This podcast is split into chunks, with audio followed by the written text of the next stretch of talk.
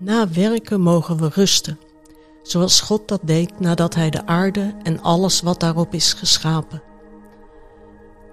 In Genesis 2, vers 2 staat: Op de zevende dag had God zijn werk voltooid. Op de zevende dag rustte Hij van het werk dat Hij gedaan had. Wij mogen ook rusten na het werken, in het weekend, na een werkweek of in de vakantie. En ook als er een eind gekomen is aan ons werkzame leven. Het is nu ruim 2,5 jaar geleden dat ik met pensioen ging. Na ruim 40 jaar werken in het onderwijs mocht ik tot rust komen en loslaten.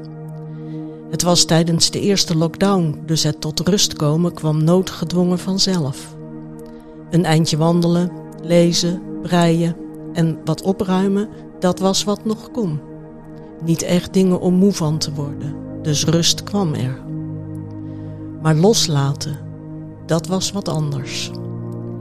Het eerste jaar zat ik nog helemaal in het ritme van een collegejaar. Nu start introductie. Hoeveel studenten zouden er zijn? Even informeren bij een collega. Op social media zag ik mijn studenten die op het laatste nippertje nog een stage of afstudeeropdracht zochten. En een poosje later mijn studenten die hun stage afgerond hadden of hun propeduizen of diploma hadden gekregen. Ik wist wanneer het een tentamenperiode was, wanneer het volgende blok begon, wanneer de projectpresentaties waren. Kortom, ik dacht en voelde me nog helemaal we. Intussen genoot ik ervan zomaar midden op een werkdag een eindje te fietsen of in het bos te gaan wandelen. Niets meer moeten, geen wekker meer s'morgens, geen lunch uit een broodtrommeltje, geen gehaast om op tijd te komen, kortom alles een tandje lager.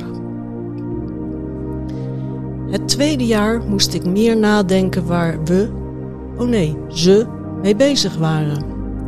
De studenten die hun propeduizen kregen, kende ik niet. En ook in het team nieuwe gezichten.